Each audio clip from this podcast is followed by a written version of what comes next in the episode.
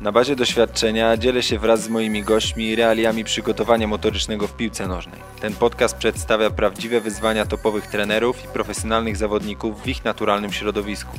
Nie znajdziesz tu teoretycznego bełkotu. To samo praktyczne creme de la creme z zakresu motoryki. Nazywam się Michał Kwietniewski i zapraszam do wysłuchania podcastu Motoryka w piłce nożnej z zakulis. Witam już teraz bardzo oficjalnie, witam serdecznie. Kolejny odcinek podcastu Motoryka w piłce nożnej dla Kulis e, w wersji live. E, ostatnio bardzo fajnie to wychodzi, bardzo mi się to spodobało i możliwe, że tak to będzie właśnie wyglądać. E, postanowiłem odświeżyć pierwsze odcinki, bo były super merytoryczne, ale z uwagi na problemy techniczne nie mogły mieć dobrego dźwięku i między innymi taki, takie spotkanie było z Bartkiem Kotem, więc troszkę już Cię zajawiłem, ale Bartuś, przedstaw się kilkoma słowami sam. Y, dzień dobry wszystkim, nazywam się Bartosz Kot. E, obecnie jestem fizjoterapeutą e, Legii Warszawa. No, specjalizuję się w rehabilitacji sportowej, szczególnie w tym okresie powrotu do sportu. Na, skupiam się na łączeniu fizjoterapii z treningiem motorycznym. Słuchajcie, więc dzisiejszy nasz temat przewodni to jest proces powrotu po urazie.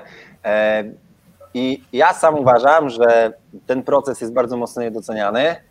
E, czasem traktowany tak trochę po macoszemu.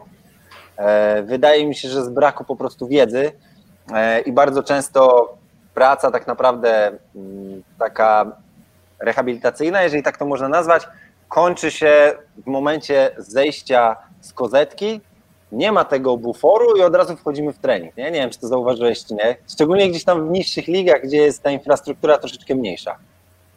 Zauważyłem to od dawna i widzę, że tutaj jest takie duże, duże pole do poprawy, gdzie pracując y, kiedyś ze sportowcami widziałem, że kończy się praca na leżance, to co powiedziałeś, kończy się stół, stricte fizjo jest taka trochę mm, przestrzeń dla zawodnika, ok, wprowadzaj się sam w trening, próbuj zobaczymy co wyjdzie. Y, nie ma tego przeniesienia motoryka nie była tak znana w tym czasie, nie była tak rozbudowana, nie było tyle szkoleń, ale cały czas to się rozwija, więc myślę, że to pole jest jeszcze do zagospodarowania. No i dobra, my to jakby y, reklamowaliśmy i y, no nie tylko my, no jest ten cały proces z angielskiego return to play, czyli powrót do już treningu właściwego tutaj w, w środowisku piłkarskim, do treningu piłkarskiego i meczu jest jakby elementem e, super istotnym i ja byłem na kilku takich ciekawych szkoleniach, niektórych online, niektórych stacjonarnych, gdzie e, te procesy zazwyczaj e, są ustandaryzowane i można znaleźć takie, taką standaryzację powrotu po urazie. No najczęściej to są dwójki, nie? bo to jest tam za 40% wszystkich urazów to są dwójki. No, chyba najbardziej popularny ze wszystkich protokół Aspetaru. Chciałem się chciałem się Ciebie zapytać, Bartek, jak Ty w swojej pracy e, teraz w Legii, wcześniej w Chinach, podchodziłeś właśnie do, e, do tego procesu. Powiedzmy, że jeżeli mamy wziąć na przykład dwójki takie, nie? gdzieś tam uraz dwójki i co się dzieje krok po kroku z takim gościem. On w meczu sobie powiedzmy nadrywa dwójkę i co z nim powinniśmy zrobić. Nie musisz mówić bardzo szczegółowo, możesz powiedzieć taki po prostu schemat działania. I jakbyś mógł być bliżej bliżej ekranu, to będę Ci bardzo wdzięczny, żeby było dobrze. Jak teraz jest? W porządku? No. No to dobra, co robimy z takim zawodnikiem? No na pewno musimy go jakoś ochronić przed tym, żeby mm, uraz się nie pogłębiał, wyciszyć, pozwolić tkankom na, na gojenie, e, przyspieszyć to gojenie na początku, zapewnić dobre warunki dla, dla takiego procesu i co jest istotne, zacząć powoli pracować nad takim przedstawieniem ruchu, nad prowadzeniem ruchu. Dobra, to ja Ci wejdę w słowo od razu. Jeżeli mówisz po jakimś czasie, to czy jesteśmy w stanie określić ramy czasowe? Możemy sobie zrobić takie case study, jeżeli będzie Ci łatwiej o tym mówić, o konkretnym przy, przypadku, że nie wiem, on sobie nadrywa dwóje, ma jakieś tam, nie wiem, 5-centymetrowe, 6-centymetrowe nadrywanie, coś w ten deseń. Możemy zrobić takie case study, żeby to było, tobie było łatwiej operować też ramami czasowymi. Ja wiem, że to są indywidualne kwestie, ale jakoś możemy to w ramy ubrać, nie? No tak, na początku zależy to od, od rozległości urazu, to jest podstawowa rzecz, czyli dobra diagnostyka, określenie objawów, przedstawienie sobie tego w jakimś harmonogramie pracy, ile nam może zająć to mniej więcej, żeby wyciszyć te, te sprawy e, takie ostre, związane z e, ostrym urazem. i zacząć wprowadzać kolejne etapy, ale też działając na zasadzie określając czas, często zwracam na to uwagę, ale także takie kryteria, kiedy mogę przejść dalej. Czyli w przypadku takiego urazu czekam aż troszeczkę ten obrzęk się zmniejszy i umożliwi mi taką pracę z prowadzeniem ruchu. Ta praca z prowadzeniem ruchu pozwoli także na dodatkowe przetoczenie tego obrzęku, no, wspomożenie, e, wspomożenie takiej, takiej pompy mięśniowej, która także e, przegoni e, zgromadzony płyn, czy, czy też te produkty przynajmniej materii. Okej. Okay. No to powiedzmy, że on jest po tej pierwszym etapie, który może ile trwać? W sensie on tylko pracuje na leżance. O, to bardzo ciężko określić. Myślę, że to może być od kilku dni do no, około dwóch tygodni, 7-10 dni. Dobra. Powiedzmy, że w ostatnich dniach, czy w ostatnim, no bo te procesy będą wzajemnie się nachodziły, nie?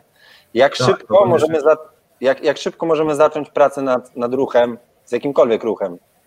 E, bo tak jak wspomniałeś, to, to będzie jakby dru, drugą częścią. Ja staram się jak najszybciej to wprowadzać. Teraz e, tak jak mamy ten case study nasz, ale nie przeszkadza tutaj pracować nad, nad korem, czy też nad mm, siłą kończyn górnych. Tutaj jest wskazane. Przepraszam, ale to jest super istotne, bo e, my bardzo często o tym zapominamy i na przykład kontuzjowany zawodnik traktowany jest jakiś trendowaty, że on może pracować tylko na leżance z fizjo pod kątem danego urazu, no nie wiem, właśnie pod kątem tej dwójki. Zresztą on jest masę, w stanie zrobić masę rzeczy, którą, jesteśmy którą możemy zrobić w pozycji siedzącej, bezbólowej pozycji stojącej, no bo to też nie jest tak, że on nie może stanąć na dwóch nogach, nie? Dokładnie, znaczy tutaj ja lubię akurat taki model pracy, praktycznie nie zawsze to wychodzi, bo są różne, różne czynniki, które to zakłócają, ale fajnie byłoby, żeby taki zawodnik pracował nad górą, jest wyrzut hormonów, jest dodatkowa stymulacja, która także wspomoże dodatkowo ten proces gojenia, nad którym e, się skupiamy w tym przypadku. Dokładnie, więc jeżeli jesteś zawodnikiem i to teraz słuchasz nas, e, to warto jest zastanowić, czy jeżeli zdarzy się jakiś uraz, nie daj Boże, oczywiście nikomu tego nie życzę, ale w trakcie okresu przygotowawczego, gdzie tych urazów się trochę pojawia, czasem zmęczeniowych, czasem e, no, różną mają tam, różną mają historię i różną mają przyczynę te urazy, natomiast warto się zastanowić, czy totalny bezruch to jest dobre rozwiązanie, bo bardzo często tak właśnie jest, że zawodnik przestaje przychodzić na trening, bo no właśnie, bo naciągnął dwójkę i nie może trenować. No dobra, nie może trenować, nie wiem, nie może robić sprintów, nie może grać na pełnej intensywności, ale na pewno są rzeczy, które robi bezboleśnie i są rzeczy, które będą przyspieszały leczenie. To tak jak z tym efektem, że masz zerwane, zerwaną, e, na przykład zerwane więzadła w prawym kolanie, pracując nad lewą nogą, przyspieszasz leczenie prawej. Nie? To ostatnio nawet z Damianem Korbą o tym rozmawiałem przy okazji jego urazu, bo on urwał Achillesa w ogóle. Tak, e, efekt Sieczenowa, tak? Tak. Pracując nad jedną stroną kontralateralnie uzyskujesz efekt po drugiej. No i to też jest ciekawe, dlatego e, ta stymulacja powinna się zaczynać jak najwcześniej i obejmować inne grupy, które e, po takiej odpowiedniej analizie zawodnika, zobaczyć gdzie są jego słabe punkty. Też lubię to robić, robić bardzo, E, obserwować, jak ten czas wykorzystać najbardziej efektywnie. Czyli co mogę poprawić w tym okresie, jak mogę zbalansować ciało w innych obszarach, które w konsekwencji w późniejszej pracy bardzo mi pomoże e, w, tak, w takiej pracy z zawodnikiem. Dużo ułatwi mu mm, powrót do, do sportu. Okej, okay, dobra, czyli przeszliśmy sobie, y, mamy 70 dni jako y, praca leżanki, plus dodajemy ruch na E, nie, e, niekonfliktowe rejony ciała, że tak powiem. I co dalej? Kiedy możemy zacząć wprowadzać ruch celowany, powiedzmy, w powrót, tej, powrót po konkretnym urazie? Myślę, że tutaj warto zaplanać takimi kryteriami. Te kryteria byłyby takie kluczowe po zdjęciu bólu, po zdjęciu jakby unikaniu już obrzęku. To już jest taki jasny sygnał, że możemy iść krok dalej jak to wszystko zaczyna się goić, wyglądać lepiej. Objawami takimi są właśnie te dwie rzeczy, ból, obrzęk, czyli nie mamy obrzęku, nie mamy bólu, przechodzimy sobie krok dalej, zaczynamy przedstawiać zawodnikowi ruch taki bardziej izolowany, ale dotyczący tej naszej grupy mięśniowej. Okej, okay, my w ogóle przygotowaliśmy, teraz e, wspomnę o tym, przejdziemy do tego dalej. My przygotowaliśmy, właściwie Bartek przygotował kilka, e, kilka nagrań wideo ze swojej pracy z Legii, E, także też potem pokażemy kilka przykładów e, ćwiczeń w poszczególnych, powiedzmy, e, fazach powrotu od tych ćwiczeń bardziej statycznych, mobilizacyjnych, po ćwiczenia już e, takie bardzo ukierunkowane kątem mocy i e, siły i mocy. E, dobra, więc mamy, te, mamy tą pierwszą fazę pracy nad ruchem. I teraz moje pytanie, bo utarło się, że na początku wprowadzania w trening na przykład siłowy, czy jakikolwiek formę ruchu, zaleca się pracę na skurczu ekscentrycznym, izometrycznym i dopiero w późniejszej fazie nad pełnym ruchem gdzie, gdzie zaznaczymy sobie fazę koncentryczną, ekscentryczną i izometryczną. I czy w twoim, w twoim e, przypadku jest tak samo? Czy ty pracujesz podobnie? Ja starałem się skupić na początku na, na skurczu izometrycznym, czyli na napięciu i później starałem się układać to w pewne takie wzorce y, mieszane. Y, tym kolejnym etapem jest takie łączenie koncentryki, ekscentryki, izometryki, przytrzymanie pozycji. Y, w takim wzorcu, w takim schemacie pracy przygotowującym do kolejnego wprowadzenia siły. Okej, okay, a czy, czy oni muszą przejść jakiś, osiągnąć jakiś benchmark? Powiedzmy, e, jeżeli mówimy o tej dwójce i on jest w stanie zrobić, e, no nie wiem, most na długiej dźwigni, e, Wiesz, wiesz o, jaki, o, jaki, o jaki mostek mi chodzi, nie? Czyli napięcie izometryczne tej dwójki nie powoduje u niego bólu, to czy to jest dla ciebie sygnał do przejścia dalej, czy, czy może masz jakiś inny benchmark, inny test, którego używasz, żeby pójść krok dalej? Znaczy, ten etap jest także dobry, dobrym etapem do oceny takich e, testów, e, możemy je nazwać testami wytrzymałości siłowej. Czyli sprawdzamy, jak przy niskim obciążeniu zawodnik jest w stanie wykonać taki test. Czyli na przykład dla, dla naszego, tak jak wspomniałeś, dla naszego zawodnika, w naszym case study mamy mosty, czyli podnoszenie pośladków, leżenie na plecach, nogi oparte, w zależności też możemy sobie ustalać wyżej, niżej, prowokujące, mniej prowokujące w no tak, możemy progresować. Tak. I, I teraz na przykład prosimy go o wykonanie, patrzymy ile jest maksymalnie w stanie wykonać. Kiedy się pojawiają jakieś y, objawy, y, dyskomfort, ból czy, czy coś niepożądanego, ja akurat zapisuję sobie taką liczbę powtórzeń. Dla każdego, jakiś, każdego testu specyficznego jest to inna liczba powtórzeń. Tak jak pracowaliśmy z Omarą, powiedzmy, wyznaczyliśmy sobie dla wspięcia na, na palce po uszkodzeniu Achillesa 25 powtórzeń, jaką taką normę i dążyliśmy do tego, żeby to poprawić, a nawet uzyskać dużo lepsze wyniki. Czyli niskie obciążenie, duża ilość powtórzeń. Yy, sprawdzamy, yy, kiedy będzie to na podobnym poziomie, czyli noga kontuzjowana z nogą niekontuzjowaną i to daje nam kolejny sygnał, takie kryterium wyjścia do, kolejnej, mm, do kolejnego etapu. Znaczy teraz ja pewnie wyprzedzę trochę temat, ale czy bardzo często zdarzało Ci się taki przypadek, że po przejściu e, te, tego etapu, czyli tego całego return to play, zawodnik miał silniejszą nogę kontuzjowaną niż tą e, zdrową? Bardzo często. No to, jest, to jest ciekawe, bo teraz mi się przypomniał taki e, wywiad e, z George'em Sampierem, taki już teraz nieaktywny zawodnik MMA, ale jeden z ikon w ogóle UFC. E, no i on miał któregoś tam, któregoś razu zerwane więzadło krzyżowe. No i on właśnie w jednym z wywiadów mówił, że po przejściu tej rehabilitacji on czuje dużo silniejszą tą nogę, e, tą nogę kontuzjowaną wcześniej. I teraz mi się pojawia od razu w głowie takie pytanie, czy, czy to znaczy, że rehabilitacja była dobrze przeprowadzona, czy znaczy, że jego noga zdrowa była, niedotrenowana? Tu jest na pewno kilka czynników. E, zdarzały się też sytuacje, gdzie na przykład e, to jest podkreślone w literaturze, że do 6 miesięcy jest ciężko uzyskać pewną aktywację, a nawet do roku czasu, aktywację pośladka i ciężko jest wymusić pewną aktywność mięśni na, na tej stronie operowanej. Ale e, jakby tym kluczowym punktem jest praca na obu, na obu kończynach. Nie tylko ta noga kontuzjona powinna pracować. I to często wydaje się, że jest częsty problem dla początkujących fizjoterapeutów, którzy skupiają się tylko na nodze mm, operowanej, czyli objętej urazem, a z kolei w drugą stronę przechodząc, też skupienie się mocno na nodze nieoperowanej. Ale to wynika nie z tego, że się skupiamy w pracy na niej, ale ona, mm, zawodnik uciekając z nogi operowanej podświadomie obciąża nogę nieoperowaną.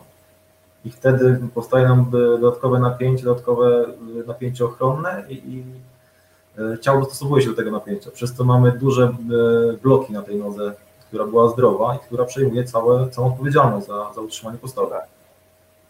Znaczy, e, bo, bo wiem, że ryzyko powrotu urazu tego samego, czyli na przykład on zrywa dwójki, czytałem takie statystyki z Premier League, i tam jest chyba 48% prawdopodobieństwa, że on ponownie uszkodzi tą nogę, E, a czy według Ciebie i może według Twojego doświadczenia nie jest tak, że pierwsze, pierwsza noga, która dochodzi, w której dochodzi do urazu, to jest właśnie ta noga, która dotychczas była zdrowa, dlatego że on bardziej ją dociąża w okresie rekonwalescencji, troszeczkę jej nadużywa w kontekście chociażby tego, że się odciąża, przy, pomaga sobie przy różnego rodzaju ćwiczeniach. E, I czy według, według Twojego doświadczenia zaobserwowałeś taką zależność, że to właśnie tą drugą nogę potem sobie urywa? E, może takiej zależności nie zaobserwowałem, ale też przeglądałem podobne badania i tam ten wskaźnik jest na podobnym poziomie, jest, niewiele się różni. Ta noga być, noga zdrowa może być w kolejnym etapie ona może być uszkodzona pod kątem na przykład więzadła krzyżowego. E, to, co ja obserwuję i staram się eliminować, to są napięcia, które zbiera noga zdrowa i wydaje mi się, że dzięki temu nie obserwuję takich konsekwencji. To takim przykładem był chyba nawet Arkadiusz Milik, tak? Cztery miesiące, powrót na boisko i, i uszkodzenie acela w drugiej nodze. No właśnie, jest, jest kilka takich przypadków. Teraz nie będę przytaczał nazwisk, może sobie osoby te nie życzą, natomiast mhm. e, powiedziałbym, że wielokrotnie powtarzała się taka sytuacja, w której zawodnik wraca głównie właśnie po ACL-ach i zrywa ACL-a w lewej, robi rehabilitację, czy cały okres rekonwalescencji przechodzi, czyli ten proces return to play, bo jeżeli wraca na boisko, to znaczy, że ktoś uznał, że on jest gotowy. E, powiedzmy, niech to będzie 6 miesięcy. No i potem, nie wiem, ma pierwszy, drugi, trzeci trening, wchodzi w mecz i na pierwszym meczu urywa ACL-a w drugim. I teraz ja od razu się zastanawiam, czy to była wina źle przeprowadzonego tego procesu, czy to jest wina jakichś innych czynników, bo według mnie jest to źle przeprowadzony okres tego return to play, czyli tego procesu, o którym mówimy. Tak możemy powiedzieć, ale też z doświadczenia wiem, że mm, często y, obserwując pewne fakty z zewnątrz nie znamy tych szczegółów i myślę, że jak obserwowałem pewnie moich zawodników z zewnątrz, też oceniłbym to jako źle wykonaną pracę w niektórych przypadkach, ale też szczegółów jest bardzo dużo w takich. Tutaj podałem na podstawie jakiejś tam oceny podanych e, informacji z, z mediów no, o naszym napastniku z kadry i, i możemy powiedzieć, że no tak, no coś tam było nie tak, ale nie znamy szczegółów. No, patrząc nawet na pracę w Legii, mając zawodnika, który mm, nasza praca polega na znalezieniu balansu kiedy mogę zrobić coś trochę niekorzystnego, ale chcę uzyskać także dobry efekt i jakby konsekwencją jest to, że zawodnik musi grać, musi grać na dobrym poziomie. I tutaj znaczy... musimy znaleźć ten balans, kiedy go wyciągnąć z tego naszego obciążenia, kiedy go popchnąć mocniej i kiedy to się wszystko zbalansuje tak, że da nam korzystny efekt. Ja doskonale sobie zdaję sprawę, że jest y, parcie też od ludzi z zewnątrz, żeby dany zawodnik grał, bo płacimy mu x sumę nie? i my chcemy żeby on się pokazywał i tak dalej, ale w dalekosiężnym y, takim planie, w dalekosiężnym rzucie na to, to jest bardzo niekorzystne, no bo chociażby ten przykład, o którym wspomniałeś, e, Arka Milika, gdzie on się znowu rozwala i znowu przechodzi okres rekonwalescencji, nie? Więc no nie wiem, dla mnie to jest takie co najmniej kontrowersyjne.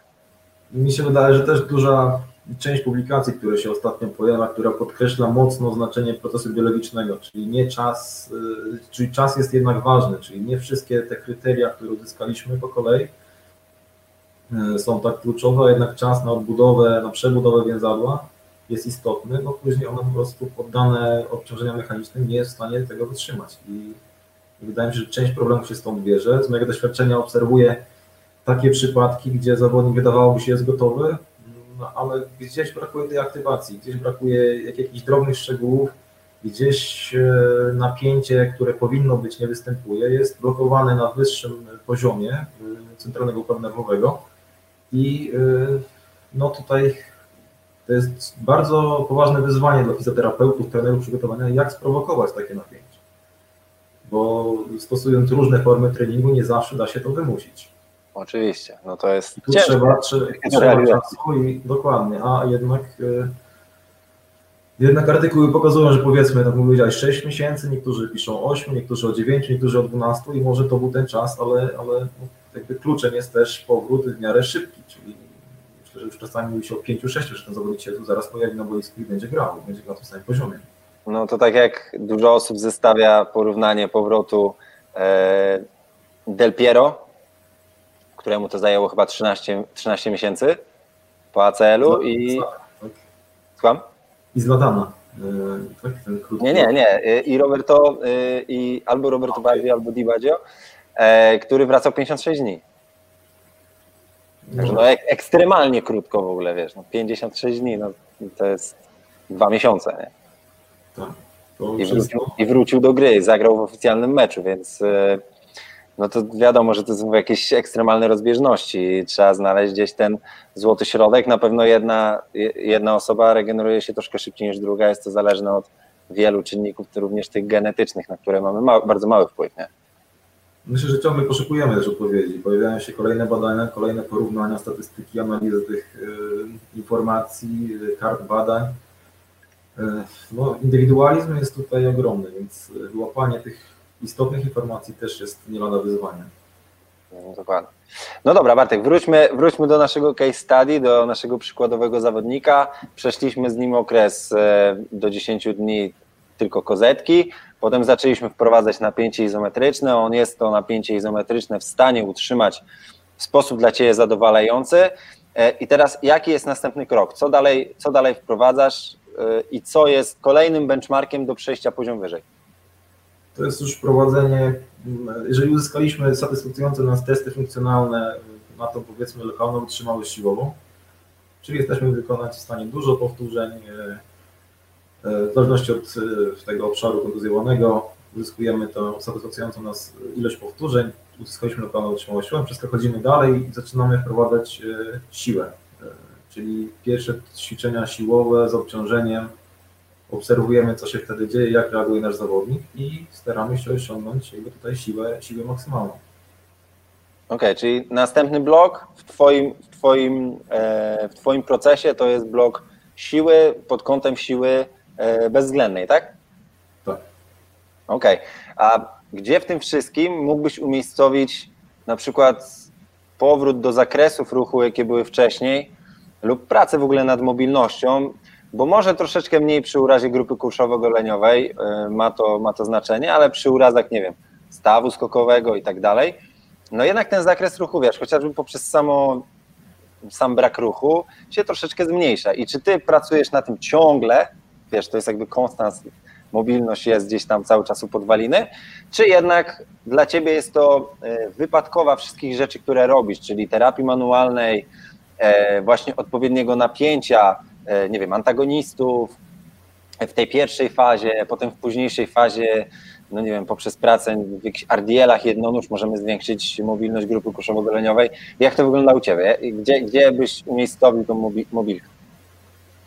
To tak, zaczynam na samym początku, czyli pierwszy etap y, już jest ocena zawodnika, co mogło spowodować ten uraz, co go predysponuje do takiego urazu, czyli tutaj możemy spojrzeć na ustawienie miednicy, że ona jest ona bardziej ustawiona do przodu, do tyłu, przodu pochylenie, tyło pochylenie i tutaj staram się znaleźć tą e, jakby ten pierwszy zaczyn do tego, na czym to powstało i, i ocena także z mojego doświadczenia rotacji w biodrze. Często zawodnicy mają problem właśnie w piłce nożnej, w sportach, gdzie mamy zmianę kierunku biegu, e, ocenę rotacji w biodrze. Tak, na ile jesteśmy w stanie kontrolować jako zawodnicy rotację w biodrze w kompleksie mm, biodrowo-miednicznym, I ta ocena wygląda w ten sposób, że jeżeli zawodnik traci nawet kilka stopni, myślę, dajesz nawet około 5 stopni rotacji, czy to wewnętrznej, czy zewnętrznej, pojawiają się problemy właśnie dolegliwości ze strony hamstringu e, grupy kulszowo-goleniowej. Więc tutaj od, zaczynamy od samego początku. To jest ta praca, gdzie zawodnik,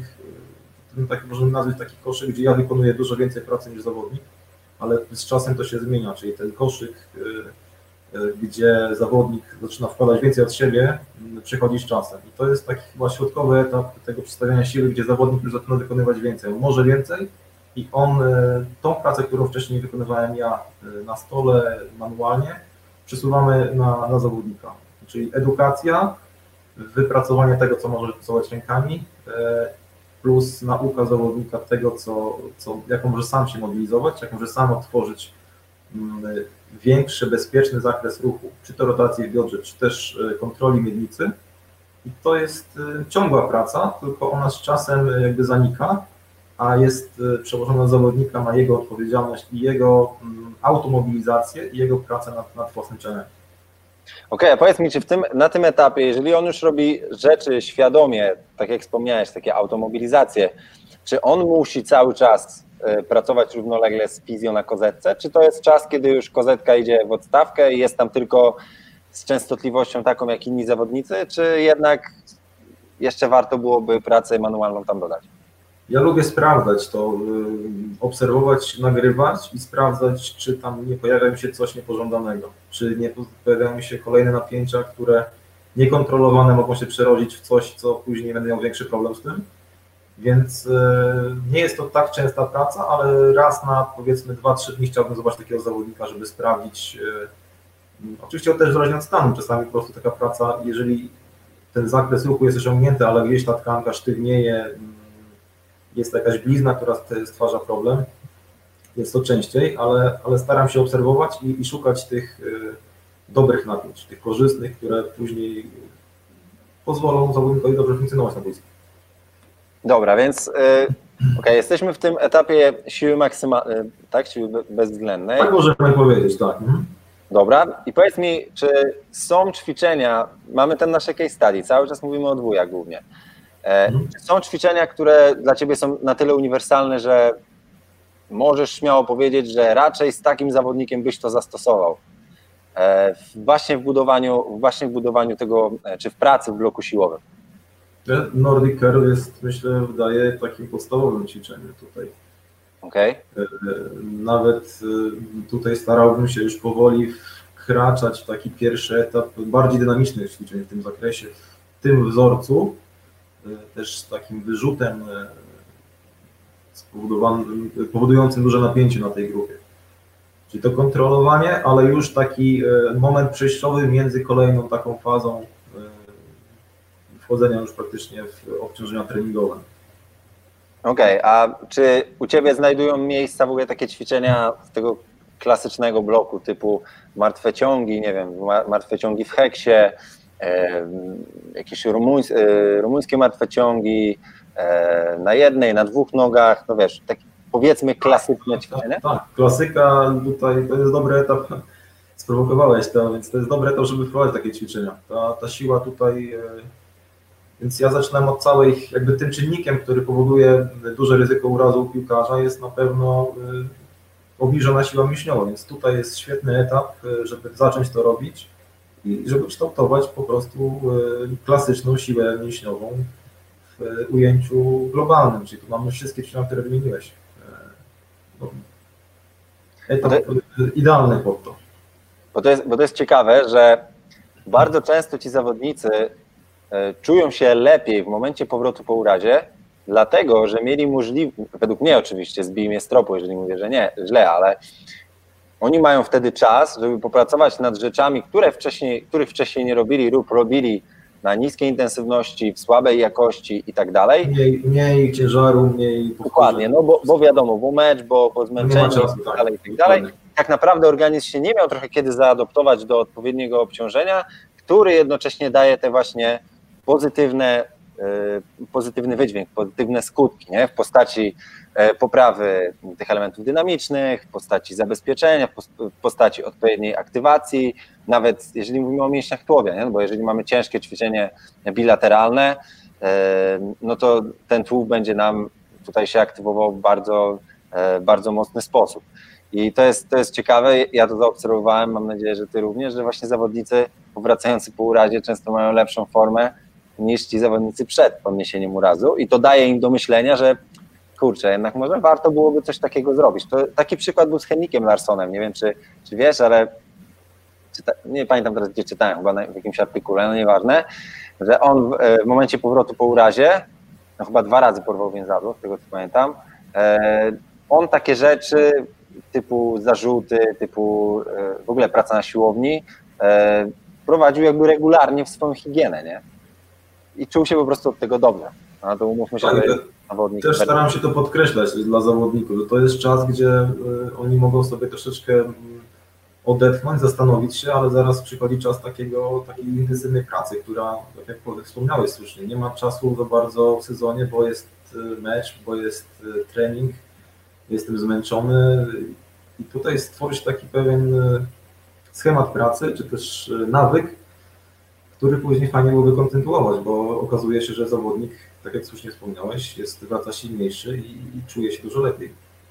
Bo to jest, bo to jest też e, potem na przykład e, poprzez takie mikrodozowanie jakichś rzeczy typu dwa razy w tygodniu wykonuję trening opierający się o dwa ćwiczenia, jakieś małe trisety i tak dalej, e, to poprzez właśnie wyrobienie sobie nawyków w tym etapie powrotu do sportu, on jest w stanie podtrzymać pewne, pewne walory siłowe, które wypracował wcześniej. Nie? Dzięki czemu jego poziom siły będzie na dobrym poziomie, czy przynajmniej regres siłowy w trakcie sezonu będzie jak najmniejszy, a to da ten efekt właśnie prewencji urazów. Nie?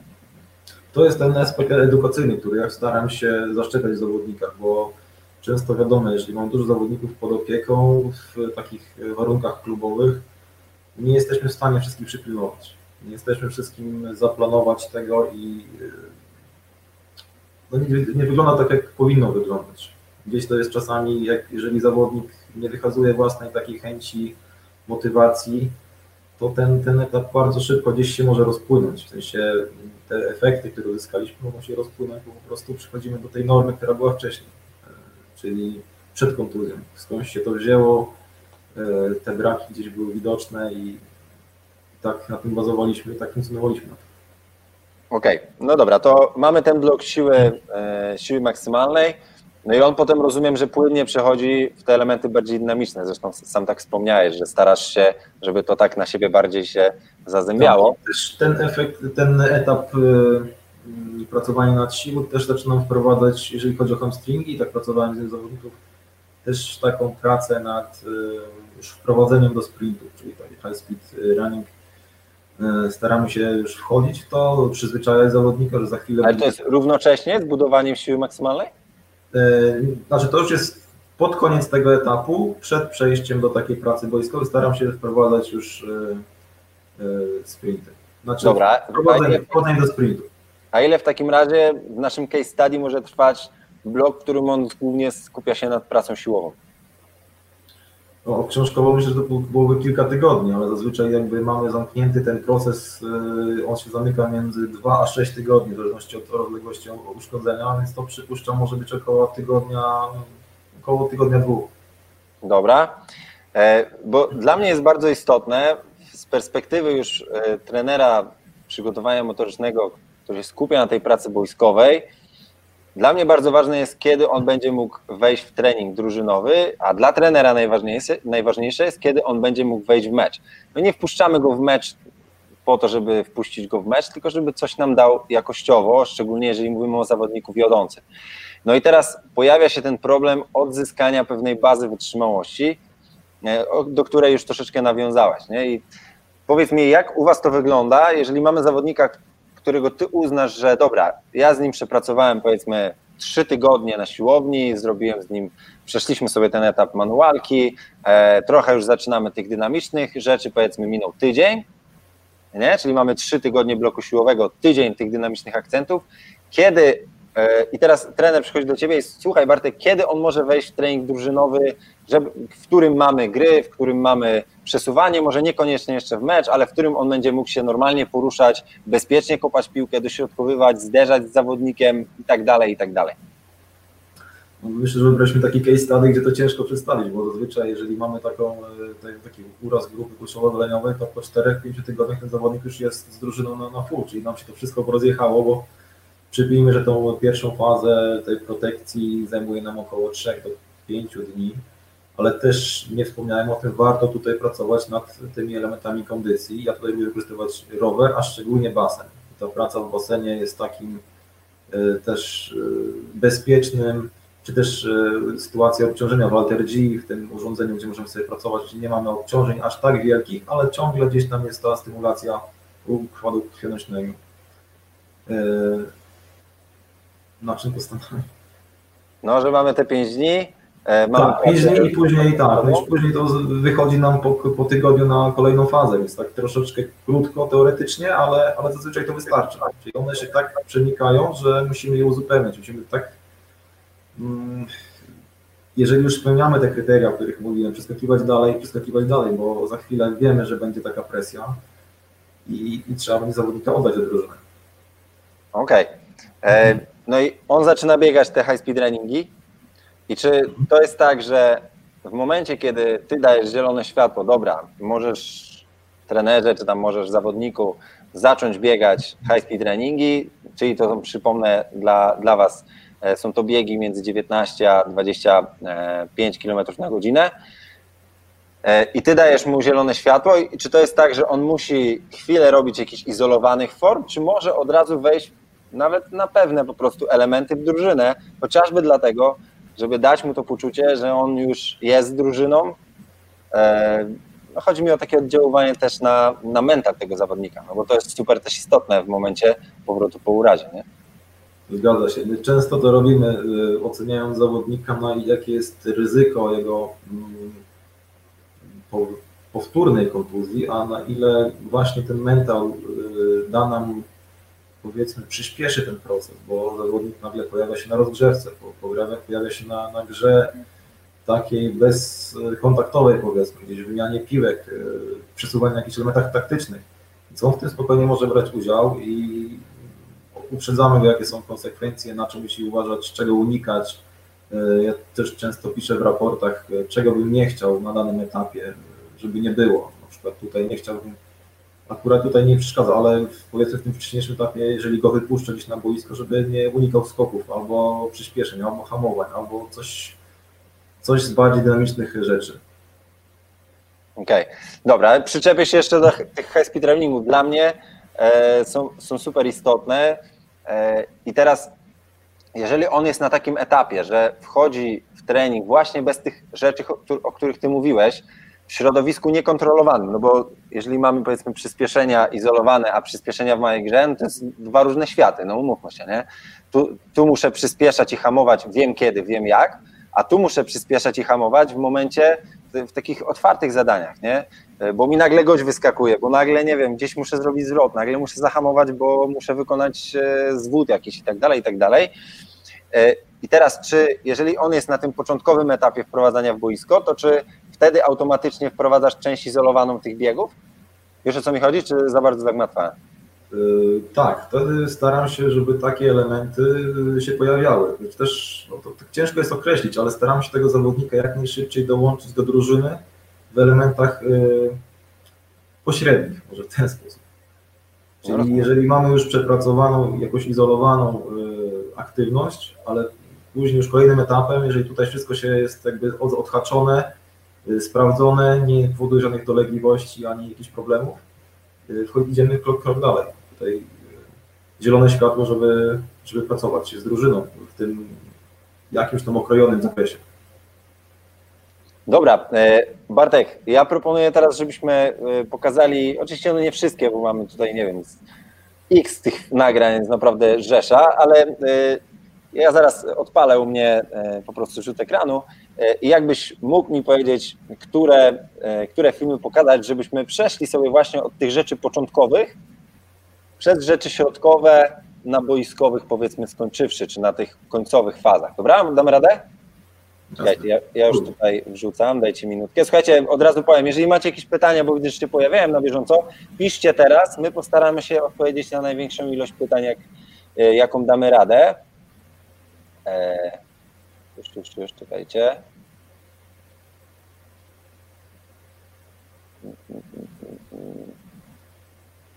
Jeszcze chwilę. Dobra. Chyba widać. Nie, nie widać. O, dobra, widać. Mamy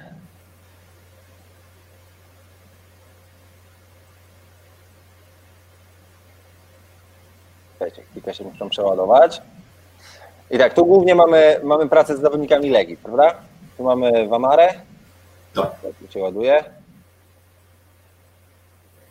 Zresztą y, bardzo przyjemna praca, bo wydaje mi się, że w pewnym momencie zawodnik też miałem na tyle zaufania do niego, że y, ta edukacyjna droga, którą przeszliśmy, skutkowała tym, że on potrafił już w większości te treningi kontynuować sam i, i robił to bardzo odpowiedzialnie.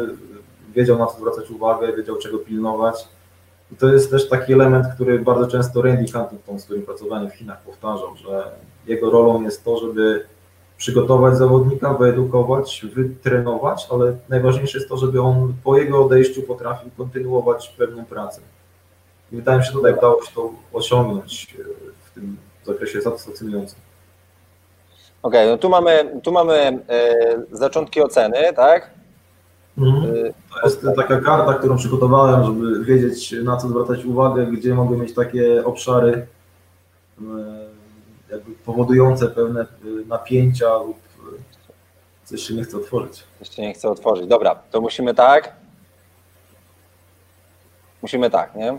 Niestety. Więc taka analiza na początek jest bardzo dobra.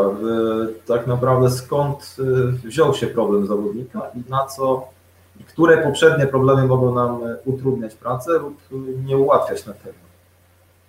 Okej, okay, czyli też... oceniasz, oceniasz, bo to jest głównie posturalna, prosta taka ocena, prawda? Tak, to jest klasyczna ocena posturalna plus ocena zakresu ruchu w stawach, tam gdzie mi brakuje powiedzmy tego zakresu, gdzie zawodnik ma restrykcje Czym to jest spowodowane? Jak warto nad tym pracować? Czy manualnie, czy wspomóc czymś innym, czy zastosować automobilizację? Bo te, te, ta poprawa w większości w takich pewnych rejonach y, problematycznych y, nie nastąpi tak szybko i ona będzie musiała być cały czas stymulowana. A właśnie najlepszą taką formą jest automobilizacja, czyli nauczenie zawodnika. Tutaj właśnie jedna z takich, y, jak pracować na stopie, w jakich ustawieniach, stopy, mm, z jakich ustawień stopy korzystać, e, wytłumaczenie biomechaniki, e, pewnych zasad, ilości powtórzeń i, tak dalej. Co chcemy osiągnąć przede wszystkim. Okej, okay, czyli mamy taki właśnie przykład automobilizacji, jak widzicie. Mam nadzieję, że teraz widać, nie? Wszystko. Puścimy sobie jeszcze raz ten film. Niestety tam tych zdjęć nie wiem czemu mi się nie udało odpalić. Wcześniej się odpalały, no ale e, dobra, czyli mamy to. Tutaj mamy przykład pracy manualnej, tak? Tak, czyli to takie można powiedzieć, to był kolejny etap, ale to jak najbardziej można na początku wykorzystywać. No to co prawda nie odnosi do naszego jakiegoś tego case study, o którym mówiliśmy w grupie hamstringów, to jest e, rekonstrukcja Achillesa. I no cóż, no tutaj trzeba dbać cały czas o elastyczność tkanki, o mm, ślizg tkanki, o elastyczność blizny, wiele elementów, które po prostu trzeba co jakiś czas sprawdzać, powtarzać. I też zadałeś to pytanie, czy to się ogranicza do jednej sesji na, na tydzień, czy do kilku, no to jednak tutaj starałem się dosyć często to robić. E, na początku codziennie, później z czasem co drugi dzień i, i z czasem, w zależności od tego, jak dysponowałem e, tym czasem, rzadziej, ale jednak zawsze wracałem do tego. Ok, tu już mamy formy y, bardziej dynamiczne, to może do tego za, za chwilkę wrócimy. A tu jesteśmy w. Tak, tu mamy taką y, platformę. Platformę, która powoduje pewne y, wibracje i ona jest takim wspomożeniem no nie jestem jakimś fanem takich niestabilnych podłoży i tak dalej, ale to jako forma dodatkowa, e, wzbudzenie, wzbudzenie napięcia pośladka, e, zmęczenia zawodnika, otworzenia jakiejś proporcepcji. Dodatkowo e, także starałem się wesprzeć w ten sposób i ustalić taki program, który aktywizował zawodnika, a przede wszystkim mógł też wykonywać to sam jako przygotowanie do treningu w postaci kilku powtórzeń, czy, czy też takiej aktywacji pośladka. Okay. Tutaj mieliśmy taką, po jakimś czasie też staram się wracać do oceny wzorców ruchowych, klasycznej oceny MCS-u, więc tutaj takich kilka fragmentów, gdzie ocenialiśmy sobie, co jeszcze możemy poprawić, gdzie są braki, e, co nam przeszkadza, no tutaj było nieperfekcyjnie, ale nie najgorzej, jak na, na to, co prezentował, prezentował zawodnik na początku, więc to było widać poprawę. Bartek, tak y, mówiąc zupełnie realnie, jeżeli mówimy o piłkarzach, to uważam, że to jest bardzo dobrze, nie? bo część zawodników ma tak sztywne stawy skokowe, że nie, jest, nie są w stanie uzyskać y, przysiadu na jednej nodze. Nie? Dokładnie, ale to już jest, to jest, tak, to jest efekt jakiejś tam właśnie też edukacji i pracy od, od dawna i, i tak, tak jak mówisz, czasami wygląda to dosyć no tutaj widać, też są jeszcze braki, jest nad czym pracować, ale warto taką ocenę czasami sobie też otworzyć, sprawdzić w, w kolejnym etapie, gdzie, gdzie, mamy też odpowiedź, coś może nowego się pojawiło, czy coś nowego się pojawia, co warto było zniwelować, poprawić, popracować nad tym. Okej, okay, tu jest kilka filmów też z treningu w basenie, to jest mega, mega fajny temat. Tylko muszę wyłączyć dźwięk. Ja dużo, e, dużo zawdzięczam także Randiemu, jeżeli chodzi o trening w wodzie, bo e, miałem okazję z nim pracować i on bardzo wiele rzeczy mi nauczył e, w tym zakresie. Nie jestem w stanie tego wysłać tutaj u nas w basenie, no ale jakby adaptujemy te nasze, nasze warunki do tego, co, co możemy zrobić, więc mamy takie, takie elementy dołożenia pracy, pracy z piłką, gry głową, porusz poruszaniu się też w wodzie proste elementy, ale, ale też możemy uzyskać odpowiedź układu krwionośnego y, na, na takie też zmęczenie w kontrolowanych warunkach.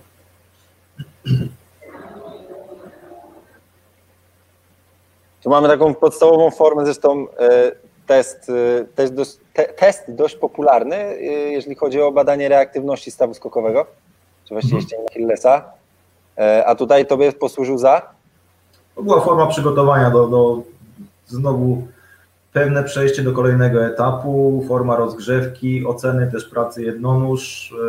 Za chwilę będą elementy, gdzie pracowaliśmy nad wprowadzeniem do plyometrii, głównie były to lądowania, później przejście ekscentryka, koncentryka, więc też kolejne etapy, żeby bezpiecznie budować i pewność zawodnika, i pewną gotowość do, do kolejnych ćwiczeń. To już taki bardziej zaawansowany po przejściu tych pierwszych etapów, o których mówiłem. E, staraliśmy się wykorzystać e, właśnie te dwie, dwie skrzynie i zeskok i praca z wymianą. Wcześniej wykonywaliśmy to w wodzie. Okej. Okay. No w ogóle e, też zauważyłem, że sama forma zeskoku, czy jakości tego zeskoku jest rzadko wykorzystywana, nie? W treningu, mówię już ze zdrowymi zawodnikami. Tak, tak. Nie jest ja często wykorzystywana, a ja od tego głównie zaczynam, bo, bo, bo to jest kluczem, tak? Kluczem od tego, co się stanie później. No dokładnie, bo to ja to zawsze porównuję do auta, co nie ma hamulców, nie? Nieważne jak szybko pojedziesz. Czyli możesz zrobić, że zawodnik będzie bardzo dynamiczny, ale on musi potrafić wyhamować, a to jest no, taka I, i, po, I potem już de facto traci, nie? Tak. No i to jest już bardzo, jest... Fajny, bardzo fajny filmik e, ten, tak. To są już takie dosyć duże obciążenie i, i aktywacja pośladka. Czyli ćwiczenie głównie aktywacyjne, mniej pod kątem pracy siłowej, bo e, to będzie zaraz, nie? Tak, to pewnie będzie zaraz, na pewno są tam jakieś. Dużo ja się skupiam w swojej pracy na tej aktywacji. Tutaj y, też diagnostyka i jakby ocena zawodnika pokazała mi, że mam, mam braki w tym, w tym obszarze. W tym obszarze potrzebuję dużo więcej pracy, może nie siłę też, siły też na pewno, ale aktywacja, która zapewni pewną stabilizację w tych kluczowych, w kluczowych momentach gry. A to jest, to jest kolejna ciekawa rzecz, o której, którą tutaj pokazujemy. Puszczę ten filmik jeszcze raz. E, bo to jest y, umiejętność tego zablokowania biodra, czyli odpowiednia aktywacja pośladka i w ogóle mięśni okalających, e, staw biodrowy, tak żeby umieć zablokować tą pozycję w staniu jednonóż, bo z tym zawodnicy mają bardzo dużo problemów. Zaczynając od pozycji statycznej, czyli po prostu stania na jednej nodze, a skończywszy na ćwiczeniu jakimś docelowym typu e, przysiad wykroczny i tak dalej, tak żeby ta miednica czy biodra, jak to mówi się potocznie, nie, nie pływała, tylko żeby to było wszystko stabilne i to potem się przekłada na jakość biegu i na szybkość biegu, nie? Dokładnie. Tutaj były duże braki, stąd y, duży, duży nacisk na, na tego typu ćwiczenia. No i dobra, i tu jest też praca, praca siłowa na kejzerku. Tak jest, już siła maksymalna, wybrane parametry, ocena mm, w zasadzie Kaisera, nie wiem czy tam ona pokazuje, jakie parametry zawodnik potrafi wygenerować i no też troszeczkę tak można było jeszcze nad techniką popracować, ale tu zawodnik już rozumie, na jakich parametrach ma pracować, co ma osiągnąć, ile powtórzeń, kiedy ma zatrzymać, przy jakim, czyli tutaj już celowane, celowane obciążenia. No tu jest pokazane właśnie, co prawda troszkę słabo widać. No, zawodnik wygenerował około 3000 tutaj. Ale to jest, to jest też fajne, bo e, czy to praca na Kaiserze, czy praca na e, nie wiem, z użyciem Velocity Based Training, no, trochę, trochę, trochę można to połączyć, w takim sensie, że to daje zawodnikowi taki feedback, nie? że dobra, mamy ciężar X e, i musisz wygenerować e, moc taką i taką, nie? no tutaj mówisz 3000 watów, na, na tych prędkościomierzach, akcelerometrach też można uzyskać E, wartości w watach, ale można się opierać też na samej prędkości wykonania ruchu z danym ciężarem, nie? I to nam daje informację już bezpośrednio. I tu jest też, myślę, że warto ten filmik pokazać, to jest nie wiem, do... do... Znaczy, dobra, odpalimy pierwszy. Chyba są chyba w porządku, więc e, ja wykorzystuję ten element pracy z liną przygotowania do, e, do skoków, do plyometrii, czyli to, co jest mocno podkręcane, podkreślane w koncepcji FMS-u, żeby poprawić wyskok, czasami nie musisz skakać, a możesz wykonywać właśnie taką pracę oscylacyjną ciała przy absorpcji obciążeń i przy wypuszczaniu takich, takich obciążeń. Tutaj wykorzystałem naszego psychologa Michała Domskiego, których pozdrawiamy. No tu widzę, że psycholog troszkę pary w łapkach ma. Tak, psycholog jest e, mocno nastawiony na trening i tutaj no, bardzo przyjemnie z nim się pracuje, nie tylko w zakresie psychologii. Super, super. No to, to fajna forma. Wiesz co, ja e, teraz taka mała dygresja, ja często używam e, piłki lekarskiej, tej z piachem, jak tam, slambola. Mhm. Właśnie w rzucie, w rzucie w podłogę, ale nie po to, żeby generować ogromną moc, tylko po to, żeby wprowadzić tą perturbację w momencie lądowania, taką bardzo naturalną powiedzmy, nie? Tak, tak. To, jest, to, jest... to, to mnie zaciekawiło w formie chyba tego FCS-u, takiego szkolenia, które pokazało, że E, no, są pewne elementy, które możesz wymusić w zawodniku, nie stosując koniecznie tego ćwiczenia, które chcemy poprawić. I tu już mamy wersję troszkę bardziej zaawansowaną, czyli już tak, aktywności. Tak. Zaraz pewnie znajdzie się też ta, ta wersja początkowa, z czego startowaliśmy, ale tu już troszeczkę więcej e, i więcej. Tu jest poniżej, tak, w złej kolejności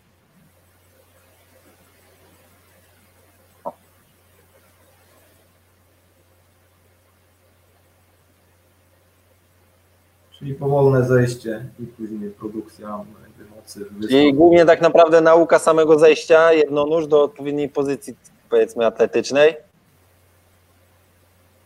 To, to też jest fajna forma. Raz, że nauki przysiadu, dwa, że potem przejścia do ruchu bardziej dynamicznego, bo to się niczym tak naprawdę Dokładnie. nie. Czyli tam w tym teście no, wyglądało nieźle, ale są też elementy, które gdzieś tutaj y, ciągle włącza się kręgosłup lędźwiowy, który, który nam zaburza tutaj tą koordynację czyli wskazówki na poprawę przytrzymania lędźwiówki, żeby ona nie ciągnęła za bardzo, żeby było kontrolowane zejście i dopiero jest jeszcze nad czym pracować, tak? No ale też nie wygląda to źle.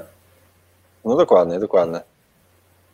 No ale tu widać, że zawodnik walczy, walczy ze sobą, to jest chyba Walczy i też to jest ten, to, co mówiłeś, ten feedback, który możemy uzyskać, czy to Skylera, czy Velocity Based Training, e, jakichś urządzeń, e, ten feedback jest ciężko uzyskać bez sprzętu, o którym wspominaliśmy, ale właśnie edukując, rozmawiając z zawodnikiem, możemy go ciągle stymulować. Popraw plecy, skoryguj kolano i tak dalej. I tu już jeszcze, jeszcze bardziej dynamicznie przychodzimy. A to jest, to jest w ogóle jedno chyba z bardziej zapomnianych ćwiczeń, e, czyli kiedy usuwamy sobie tą elastyczność Achillesa, a kiedy uczymy e, generowania, generowania mocy z biodra i przy okazji uczymy lądować. Nie? Super, super ćwiczenie często, często zaniedbane czy, czy zapomniane, można tak powiedzieć.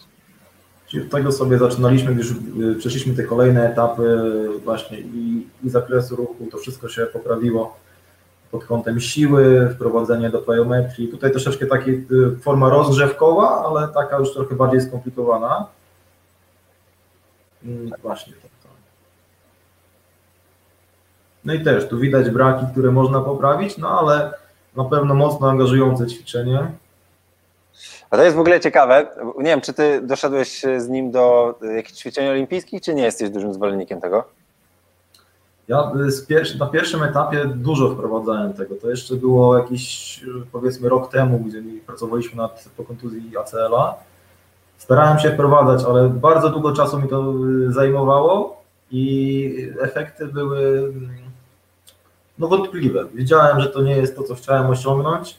zawodnik, mimo że pracował, wykorzystuje te, nawet w tym etapie późniejszym wykorzystywałem te elementy, ale to wydaje mi się, że tam jeszcze jest dużo do poprawy i to wymaga dużo, dużo czasu.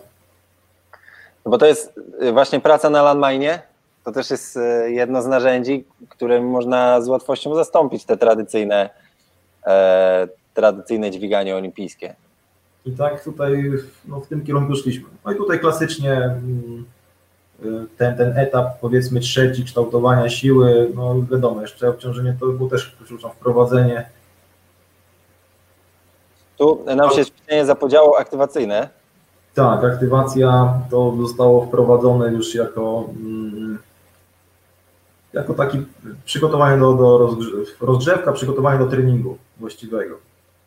Zanim to, to jeszcze chciałem wrócić, no teraz muszę niestety przeskrolować, także dajcie minutkę, do tego, co było na początku, bo to są formy już takie, które nawiązują do tego, do tej pracy z kolan, nie? I potem tak, dodanie... Łączenie, łączenie wszystkiego w takiej sesji, powiedzmy tego etapu czwartego, plyometrii i to już jest etap przed wyjściem na boisko, gdzie, tak jak rozmawialiśmy, płynnie już zawodnik pojawia się na boisku, wykonuje, może wykonywać jakieś zajęcia z drużyną takie niekontaktowe, gdzie ma kontakt z piłką, ale, ale nie niekoniecznie z przeciwnikiem jeszcze.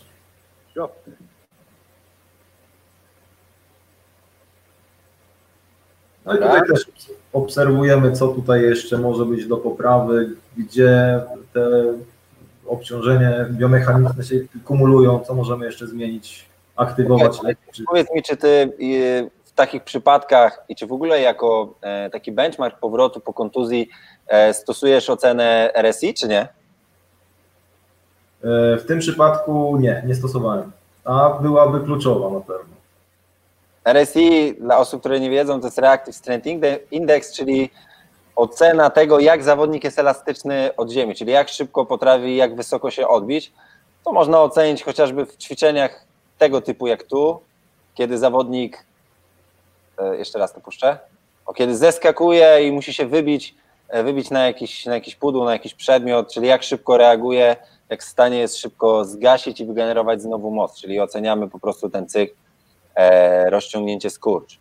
Dobra, e, prze, przeteguję. Tu mamy formę. Tak, forma rozgrzewki, mm, aktywacja koru, też trochę w formie takiej zabawy. Prost, prosta zabawa. Mhm. Tu mamy formy już tak, e, formy jakby transferowe trochę, nie? Tak, i to były chyba nasze, można powiedzieć, początki Pierwsze było lądowanie, a to już kolejny etap taki. E, no, a czy ty, potem, potem z zawodnikami wprowadzasz takie jakieś tradycyjne kontrasty, nie wiem, francuski czy coś, e, gdzie łączymy sobie pracę e, pod kątem ciężarów zbliżonych do maksa, dodanie jakichś balistycznych form i potem reaktywnych? Stosujesz coś takiego w ogóle, czy... Nie, tego, tego tutaj nie stosowałem w tym przypadku. Tu ciekawe zestawienie box squatu. Tak, tutaj to, co mhm.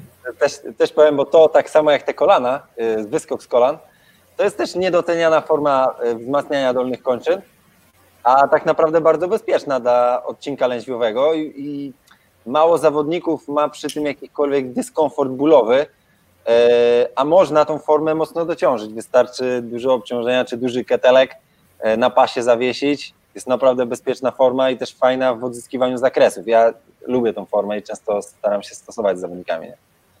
To też taka forma, która powstała już y, pracując w Chinach we współpracy z portugalskim trenerem Andre. Pomyśleliśmy o jednym z pływaków, który miał właśnie problemy, gdzie pracowaliśmy nad poprawą mocy, ale też pojawiały się problemy przy właśnie zejściu ze sztangą na plecach. Szukaliśmy... Ale bólowe problemy, czy? Tak, bólowe problemy w odcinku lędźwiowym, ciężkie do, do poprawy, ciężkie do diagnozowania, po prostu coś, co nam przeszkadzało kontynuować trening i, i zamieniliśmy to na tą formę i ona była bardziej akceptowalna i no z drugiej, strony, z drugiej strony nie każdy zawodnik musi e, te przysiady wykonywać. Są no. różne formy zastępcze. Dokładnie. Aktywacja tłowia?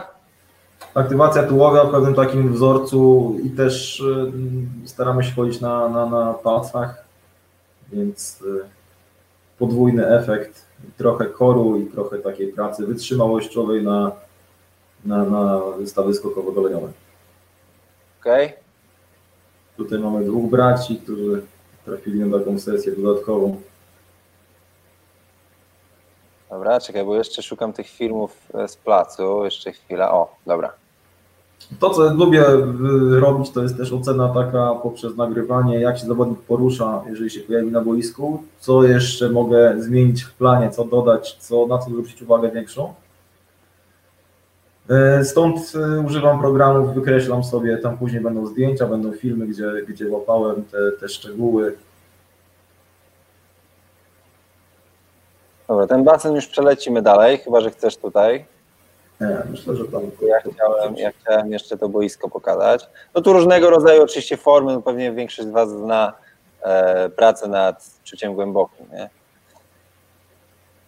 No i tutaj też takie ocena, ocena przede wszystkim na czym, na czym pracowaliśmy, co było takie, mm, to jest ten test taki wspięcia na palce, ocena na ile ta ruchomość jest akceptowalna, na, na ile elastyczność tka.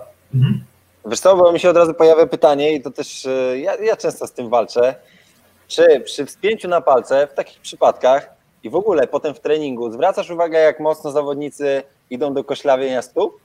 Wiesz, tak, ja... zwracam, ale, ale też tutaj starałem się ocenić przede wszystkim zakres e, i tutaj widać, że, widać, że objętościowo i, i jeżeli chodzi o objętość mięśni brakuje i to jakby w raporcie podkreślaliśmy, że nad tym mamy pracować, to jest naszym głównym celem, poprawa e, hipertrofia, tak jak ostatnio prowadziłeś szkolenie, nad tym pracowaliśmy, uzyskaliśmy bardzo fajne efekty, które na przestrzeni niespełna dwóch, trzech tygodni no, znacznie poprawiły wyniki zawodnika. I y, to, co powiedziałeś, taka funkcjonalna ocena, no, zwracamy na to uwagę, ale, ale w tym momencie akurat to nie było aż tak istotne. Okay, mówiliśmy o tym ćwiczeniu. Jeżeli pamiętacie o tych, to właśnie dokładnie o to ćwiczenie mi chodziło, czyli most na pełnej dźwigni. Tak, akurat przypomnienie, ale czekaj, jeszcze szukam.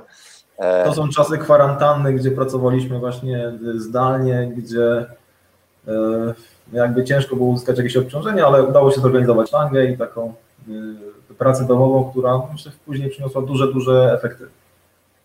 Okay, tu już mamy pierwsze zajęcia, gdzie zawodnik się pojawia po przerwie, gdzie to wszystko jest akceptowalne. Ta praca wykonana na kwarantannie jest, y, skutkuje tym, że kolano jest w znacznie lepszym stanie, zawodnik się czuje lepiej, nie ma problemów, które pojawiały się wcześniej.